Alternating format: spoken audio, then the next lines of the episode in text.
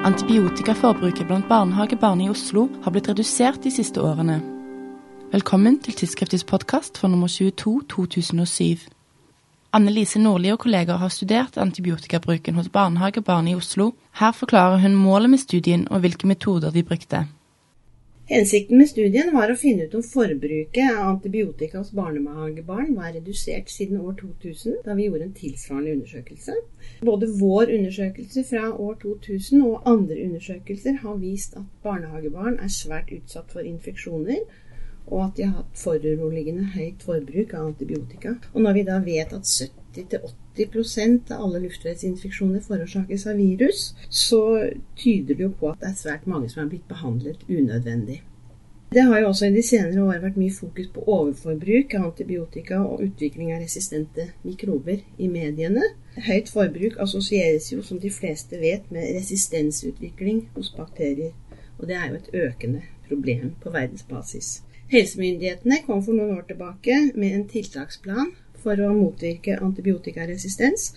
Og det har vært informasjonskampanjer som har vært rettet både mot helsepersonell og mot småbarnsforeldre med tanke på redusert forbruk. Et av disse tiltakene det var jo Folkehelseinstituttets kampanje 'Riktig antibiotikabruk det beste for barnet', der det ble laget brosjyrer til utdeling på helsestasjoner og legekontorer som omhandlet forskjellige typer infeksjoner, som da var beregnet til utdeling til småbarnsforeldre.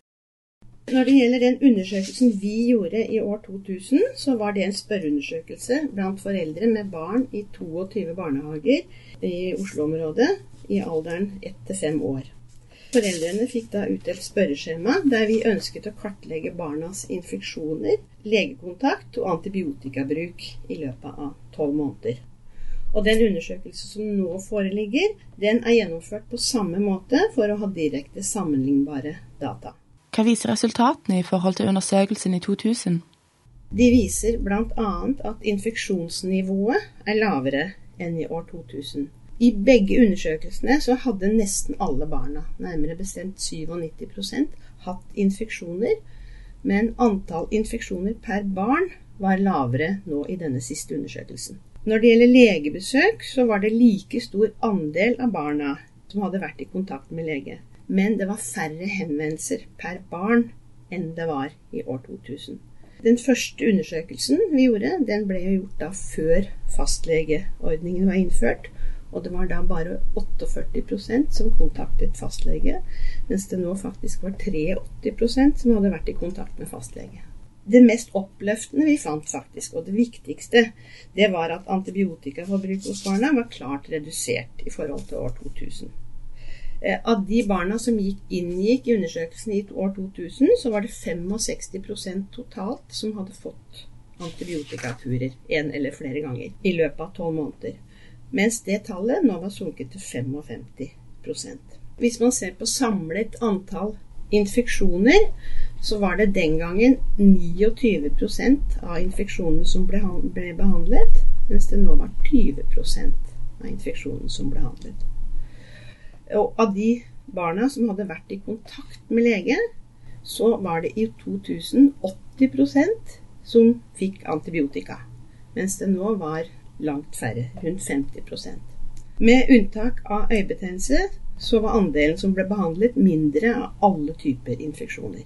Hva kan forklare at det var færre legehenvendelser i 2006? Eh, ja, det er sannsynligvis flere årsaker til det. For det første så var det jo færre infeksjoner. Og da færre av de infeksjonene som foreldrene erfaringsmessig kontakter lege for. Årsaken til at det var færre infeksjoner, det kan vi jo ikke si med sikkerhet. Men der kan jo vær- og klimaforhold som varierer fra år til år, innvirke. Videre så tolker vi det også dit hen at småbarnsforeldre er bedre informerte om hvordan de skal forholde seg til barns infeksjoner, og derfor ser de sannsynligvis ikke nødvendigheten av å kontakte lege like ofte. Fastlegeordningen kan også ha betydning i form av bedre informasjon når foreldre først kontakter lege, og et bedre forhold til en lege som de kjenner. Tre av fire foreldre kjente også til ulemper ved å bruke antibiotika, og at dette ikke skal brukes mot virusinfeksjoner. Nordli mener en av grunnene til at leger forskrev antibiotika til færre barn med infeksjoner i 2006, er at leger har blitt mer bevisste og restriktive, samtidig som foreldre har blitt bedre informert. Oppmerksomheten rundt mulige konsekvenser av overdreven antibiotikabruk og innsatsen for å redusere bruken har helt sikkert hatt betydning. Både i forhold til leger og i forhold til foreldrene. Leger har jo ofte tidligere uttalt at de forskriver antibiotika etter påtrykk fra engstelige foreldre, selv om det ikke er nødvendig. Og at det er foreldrenes krav til behandling som gjør at de utskriver ut for mye antibiotika. At det blir mye unødvendig bruk. Foreldrene i denne undersøkelsen gir jo klart uttrykk for en skepsis til unødvendig bruk av antibiotika, og jeg vil jo tro at det igjen påvirker legen. I vår forrige undersøkelse så ga 46% av foreldrene uttrykk for at de trodde legene forskrev for mye antibiotika, og her er det noen og 30% som sier det samme. Ifølge resultatene deres har altså antibiotikabruken blitt redusert, men er det fortsatt rom for å ytterligere redusere bruken? Ja, det vil jeg absolutt tro. Som tidligere nevnt, så er jo 70-80 av luftveisinfeksjonene forårsaket av virus som ikke lar seg behandle antibiotika. Og tallene tyder jo da på at det fortsatt behandles en del virusinfeksjoner. I tillegg så er jo antibiotikabehandling også unødvendig ved mange ukompliserte bakterielle luftveisinfeksjoner som er raskt selvhelbredende.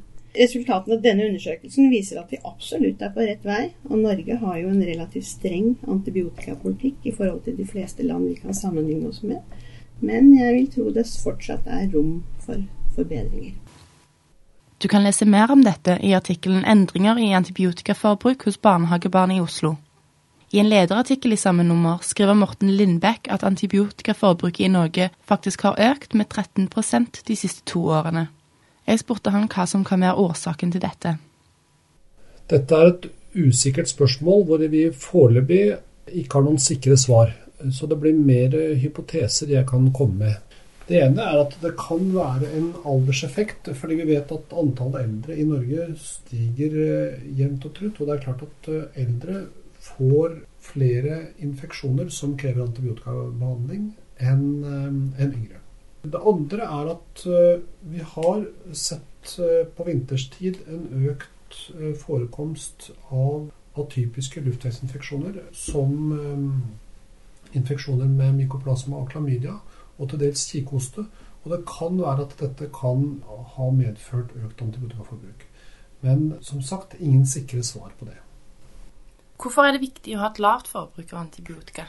Det finnes etter hvert svært gode data på en klar sammenheng mellom forbruk av antibiotika og utvikling av resistens. Eh, en belgisk studie som samlet data fra de fleste europeiske land, viste at eh, forekomsten av resistente pneumokokker, som jo er den, en av de viktigste bakteriene i forhold til eh, luftveisinfeksjoner, så var det en, en ti ganger økt forekomst av resistente stammer i de landene som hadde høyest antibiotikaforbruk, i forhold til de som hadde lavest.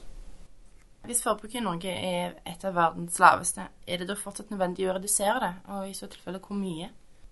Norge har ligget på rundt 16-17 eh, DDD per 1000 innbyggere per døgn. Eh, mens i sammenligning så ligger da Holland på 10-11. Dvs. Si altså et forbruk som er 30% lavere. Og Derfor så var det i den første antibiotikaveilederen for, for allmennpraksis, som ble utgitt i 2000, så var det satt opp en, en målsetting om at vi skulle jobbe oss ned mot Hollands nivå. Og det er ingen tegn som tyder på at hollenderne har større problemer med sine infeksjonssykdommer enn det vi har i Norge. Så jeg syns fortsatt at det kan være et, et godt mål å jobbe uh, fram mot.